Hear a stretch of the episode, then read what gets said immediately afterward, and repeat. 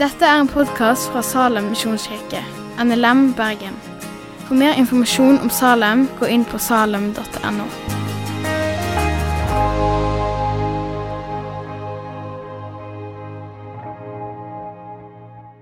Det her er jo litt rart, da. Eh, å eh, stå her framme. Jeg pleier jo å stå litt mer sånn akkurat der og spille gitar. Eh, og kanskje ikke superkomfortabel med å stå her framme. Og når jeg har en tale, så pleier jeg egentlig å stå sånn her. Eh, og så ser ikke folk noen ting. Så jeg har fått beskjed om å gå litt lenger bak. De. Georg, du er mann. Du er mann. Kan jeg stå her? Ok, nei da. Eh, nok tull.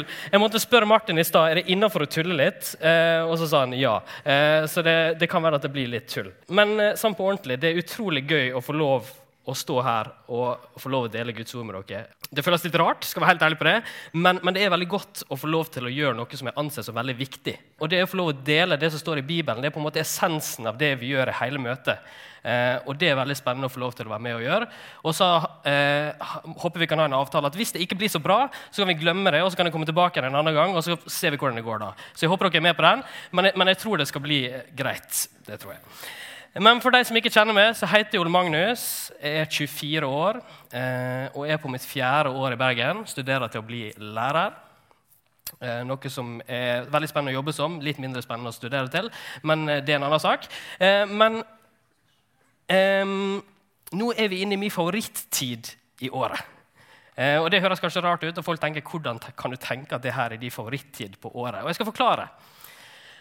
Vinterhalvåret mitt består av ullsokker, stillongs, peis og en god kopp kaffe foran peisen. Eh, og Det har jeg på en måte gjort i 18 år, helt til jeg flytta hjemmefra og skulle bli selvstendig. Og jeg savner det hver dag.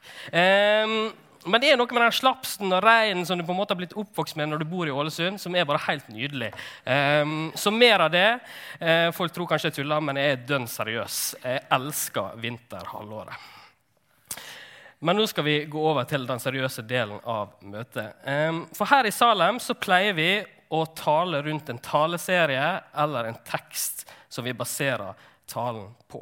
Og De siste ukene så har vi gått gjennom den delen av Bibelen som heter Gamle testamentet. Og Noen tenker kanskje at det høres skummelt ut eller gammeldags ut. Og jeg tror faktisk begge deler stemmer litt. Det kan være litt gammeldags og det kan være litt skummelt. For det blir skrevet om kriger, det blir skrevet om folk som er på flukt. Det er tempel som blir bygd i detalj. Og det høres fjernt ut og kanskje litt skummelt ut. Men så mellom alle disse krigene og reglene som blir skrevet om, så går det en rød tråd gjennom hele historien. Og Jeg skal bli norsklærer, og det har vi hatt ord for, det her med rød strek og liksom frampeik og hele den pakka. Og nå sa jeg ordet. Det var frampeik jeg skulle fram til. Eh, men det får bare være. Men vi har et ord for det, og det heter frampeik, eller en profeti. Eh, det er noe som leder opp mot det som skal komme i framtida. Og Forrige helg så eh, snakka Gjermund om Abraham og Isak. Og Hvis du ikke kjenner historien om Abraham og Isak, så blir Abraham bedt om å ofre sin eneste sønn på et fjell, og så kommer det et offerlam istedenfor. Og hele den historien peker fram mot det som snart kommer, påska, der Jesus blir ofra for vår del. Så det går en rød tråd gjennom hele Bibelen. Og jeg er utrolig utrolig glad for at vi i Salem bruker tid og energi på å gå gjennom ikke bare enkelttekster, men hele Bibelen. For det er en link mellom Gamletestamentet og Nytestamentet, og den er kjempeviktig. Og selv om det høres skummelt ut og kanskje litt fjernt ut, så er det veldig viktig. Problemet er at jeg skal bruke én tekst i denne talen. her. Eh, og Jeg har lyst til å ta dere med inn i, talen, nei, inn i teksten. og Den står i Lukas 18, vers 31-34. Og Nå lurer jeg på om Johan har fått deg opp på teksten. Nei, opp på skjermen. Har du det, Johan? Ikke det. Eh, dere får bare høre etter. Men der står det Han tok de tolv til side og sa til dem.: Se, vi går opp mot Jerusalem og alt som er skrevet av profetene om menneskesønnen, skal oppfylles. For han skal overgis til hedningene og bli håna og mishandla og spytta på. De skal hudstryke han og slå ham i hjel. Og på den tredje dagen skal han stå opp, men de forsto ikke noe av dette. Og dette ordet var skjult for dem, og de skjønte ikke hva han sa. Vi skal be litt. Kjære far, takk for hver enkelt person som har kommet til Salem i dag, far. Um, jeg ber om at det jeg skal få lov til å si til deg i kveld, at jeg må få trenge inn i deg, og at du må åpne harde hjertet, sånn at de får, uh, får utbytte. holdt jeg på å si. Um, jeg ber om at det må trenge inn, og at det må få virke i livet deres, far. Uh, at det må bli en sannhet for deg, og ta vekk det som ikke er fra det, far. I ditt hellige navn, far. Amen. Dagens tekst den er som sagt henta fra Lukas 18. Eh, og Den er knytta til det som heter fastelavn. Dere kjenner kanskje til det.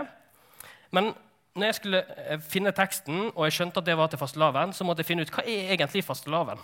For for meg så er det en dag der jeg spiser altfor mange fastelavnsboller med krem på og setter opp de her pinnene jeg lagde på barneskolen med fjær på i vinduskarmen. Det, det, det, er liksom det forholdet jeg har til fastelavn. Så jeg gikk, som alle talere gjør, gikk inn på Google og søkte hva er fastelavn. Og da kom jeg inn på Store norske, leksikon, og der står det som følger om hva fastelavn er. Fastelavn kommer av nedertysk, fastelavnt, som betyr aften før fasten. Det betegner altså kvelden før askeonsdag, som innleder den 40 dager lange fasten i forkant av påska.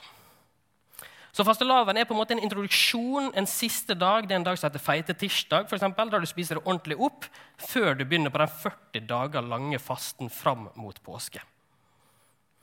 Og Så skulle jeg sette meg ned og planlegge hvordan kan jeg få de her fire versene fra Lukas til å passe med det budskapet om at Jesus en dag skal ofres på korset. Så begynte jeg å lese litt eh, og tenkte skal jeg bare bytte tema. Er det lettere? Eh, men så tenkte jeg nei, så kom jeg over et vers i Lukas 9, vers 51, der det står at Jesus vender ansiktet sitt mot Jerusalem. Jesus vender blikket sitt mot det som faktisk har kommet en dag. Og det er det jeg har lyst til å dele med dere. Det å vende blikket om. Og jeg vet at Det høres kanskje litt rart ut og litt kryptisk ut, men jeg skal prøve de neste minuttene å utdype hvor jeg vil. For Jesus og disiplene de er på en reise. De er på vei en plass, og de skal feire den siste påska si sammen. Og Sammen med de tolv nærmeste disiplene sine så opplever de spennende ting på veien. De møter folk langs veien som Jesus på ulike måter hjelper og helbreder og underviser for. Og Jo mer og mer de går sammen, jo flere folk kommer til å følge denne reisa sammen med dem. Og Jesus tiltrekker seg folk, masse folk, som følger med. Og Det er da i Lukas 18 Jesus tar de tolv vekk og forteller dem noe kjempeviktig. Det er da han forteller dem hva som en dag skal skje. Og så er ikke det første gangen Jesus sier det her til disiplene sine. om hva som skal skje. Det er faktisk tredje gangen han forteller dem det. Og Hvis du har lyst til å lese om det, så kan du lese om det i Lukas 9, 22 og Lukas 9, 43-45. Og Hvorfor Jesus i det hele tatt tar seg tid til å fortelle om det, det vet jeg faktisk ikke. Men jeg har tenkt at det er for at han skal forberede disiplene på en hverdag uten han. Og Hvorfor han gjør det nå, det vet jeg heller ikke, men jeg tror det har med det å gjøre. Den forberedelsen til det som skal komme. Det som ligger i vente rett rundt neste hjørne, det som venter Jesus i Jerusalem. For det får en enorm betydning for livet til de disiplene han er med. Jeg vet ikke hvor godt, hvor godt dere kjenner til disiplene og det som skjer etterpå, men flere av dem blir drept for det de tror på, i etterkanten. Og Det har enorme eh, innvirkninger på livet deres når Jesus er vekke. Og Jeg tror Jesus vet veldig godt at disiplene ikke kommer til å skjønne hva han snakker om hva som er budskapet i det han sier. Jeg tror da, og jeg tror det er derfor han er nødt til å si det gjentatte ganger. Sånn at de skal forstå hva greia er. Og Jesus har et helt tydelig mål med den reisa. Han sier, 'Se, vi går opp mot Jerusalem'. Og I Israel så må du faktisk gå opp til Jerusalem. Det ligger på en bakketopp eller på en haug. Eh, men så er det også, har jeg hørt, dere må sjekke opp det her etterpå, Eh, det er at I gammel jødisk tradisjon så betydde det å gå opp til noe betydde at du gikk opp til en slags fest. Og Jeg vet ikke hva fest det er, om det var boller og brus, eller hva det var, men du gikk i alle fall opp til en fest. Og Kanskje det var akkurat det disiplene trodde de skulle sammen med Jesus. At de skulle opp på en eller annen fest. Men så er betydninga i den sammenhengen her noe helt annet.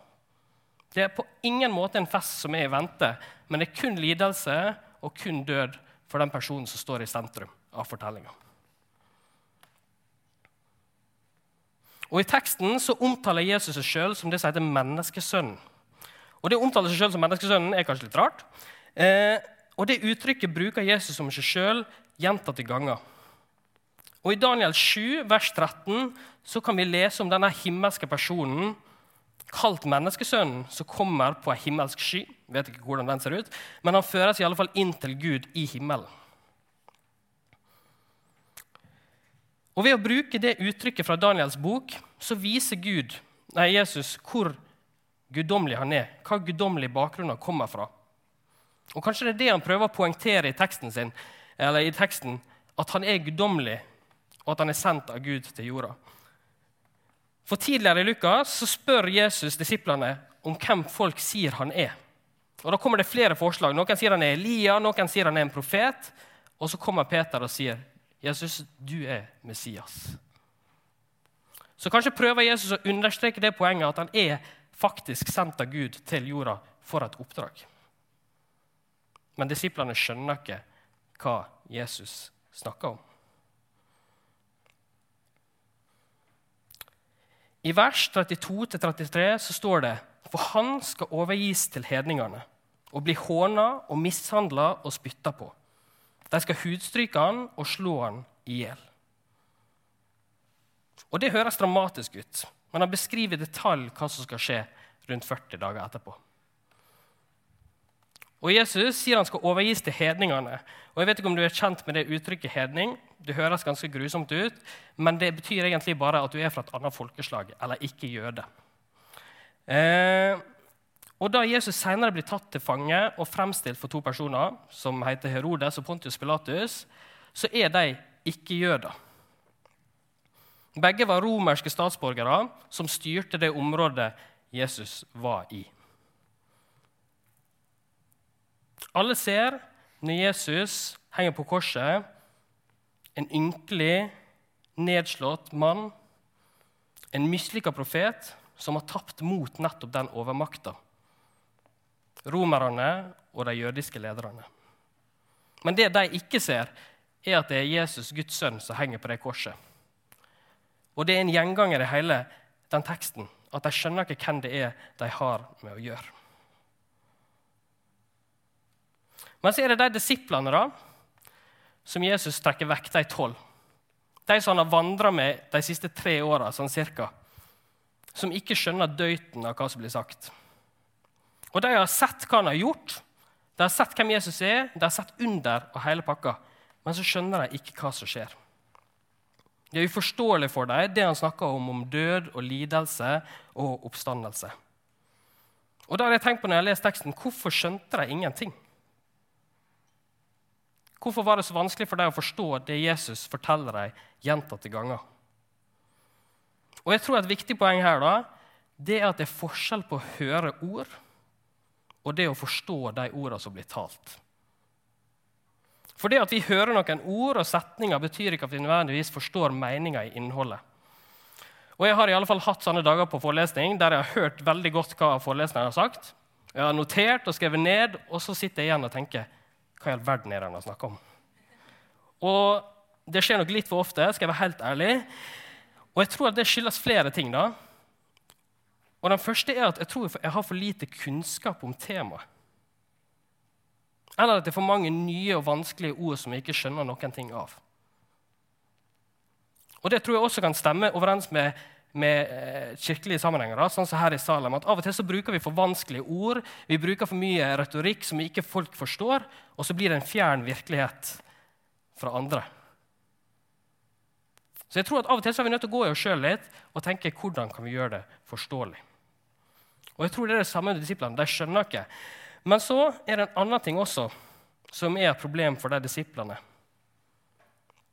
Og det er at de hadde en annen forståelse av hvem Messias faktisk var. For jødene de trodde på Messias, de venta på en Messias, men de har et helt annet bilde av hvem Messias egentlig er. De venta på en leder og en kriger som skulle frigjøre dem fra Israel. Ikke en person som skulle bli spytta på og håna og hengt på et kors. Så virkeligheten der er helt forskjellig. De venter på en kriger, og så er egentlig Jesus ikke en kriger. Og så venter de på en som skal frigjøre dem, og så frigjør ikke Jesus dem fra Romerriket, som de egentlig venta på. De tror på en Messias som skulle være en politisk frigjøringshelt og en seierherre som skulle ta folk ut fra undertrykkelse. Og virkeligheten deres stemmer ikke overens. Og i dag, hvem tror Ola Nordmann og Kari Nordmann hvem, eller hvem tror de Jesus er? Og jeg tror at mange i Norge ikke tror engang på at Jesus faktisk har levd. De vet det er en person i Bibelen, og de personene som tror at faktisk Jesus har levd, de ser på han som en god person, en god moral, at han har lagd en god moral, han har gode verdier. Men det er det.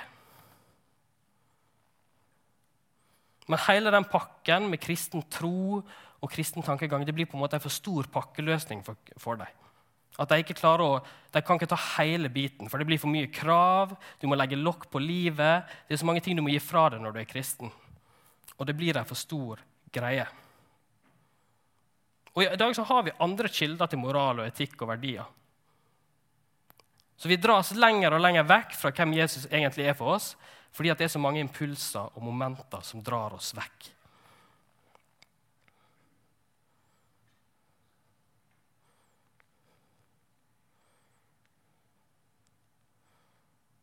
Vi lever i en verden hvor vi har så mange impulser og, og påvirkningskrefter som drar oss i alle mulige retninger.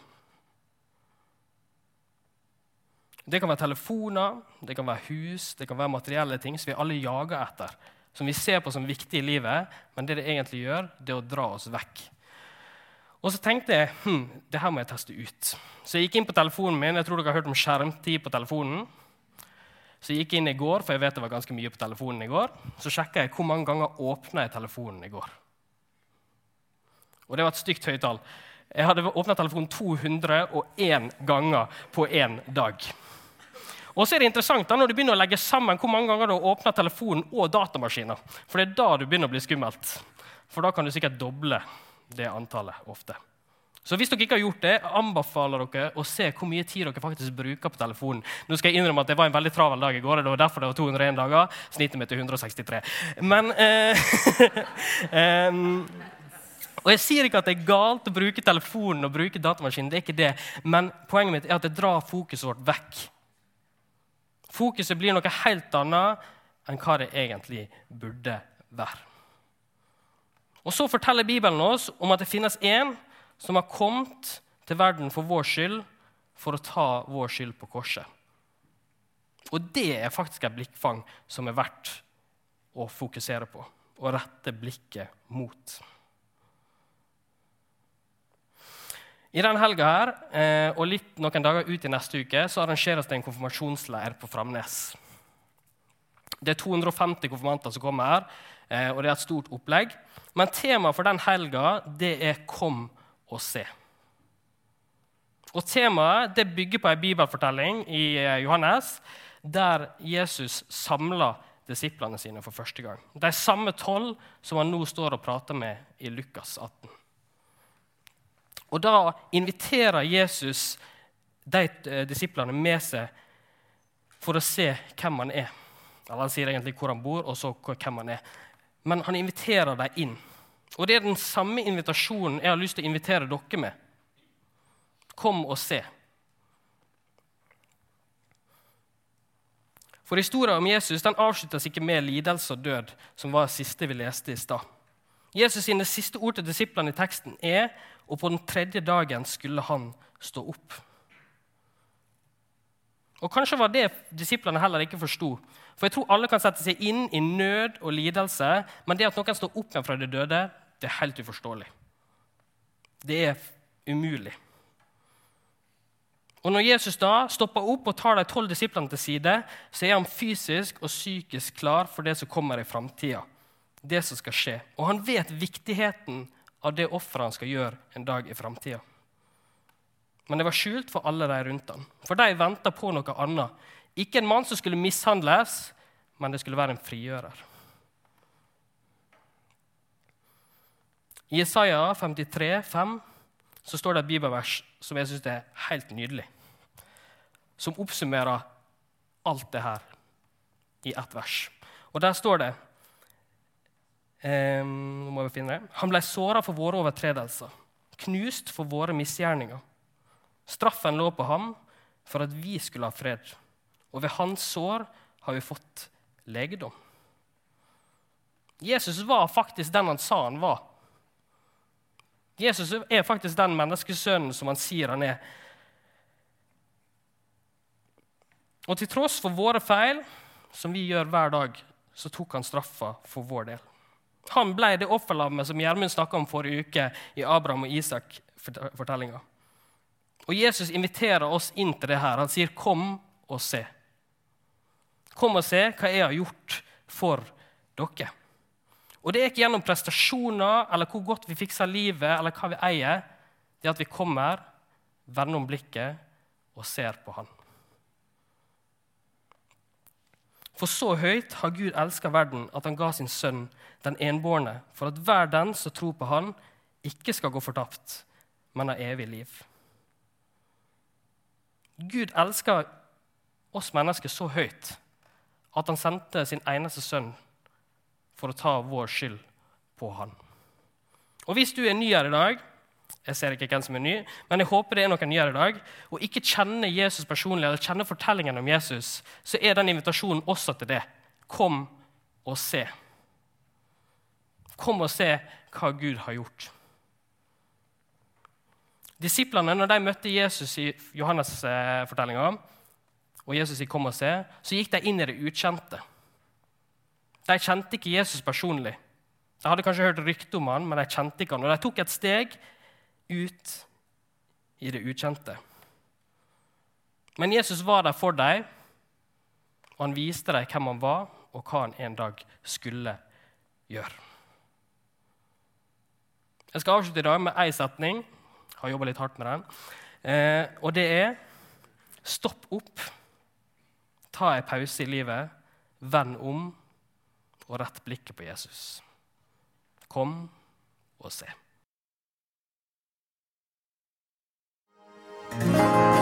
Takk for at du har hørt på podkasten fra Salem, Bergen. I Salem vil vi vinne, bevare, utruste og sende, til Guds ære. Vi ønsker å se mennesker finne fellesskap, møte Jesus og bli disippelgjort her i Bergen og i resten av verden. Vil du vite mer om oss, gå inn på salem.no. Thank you.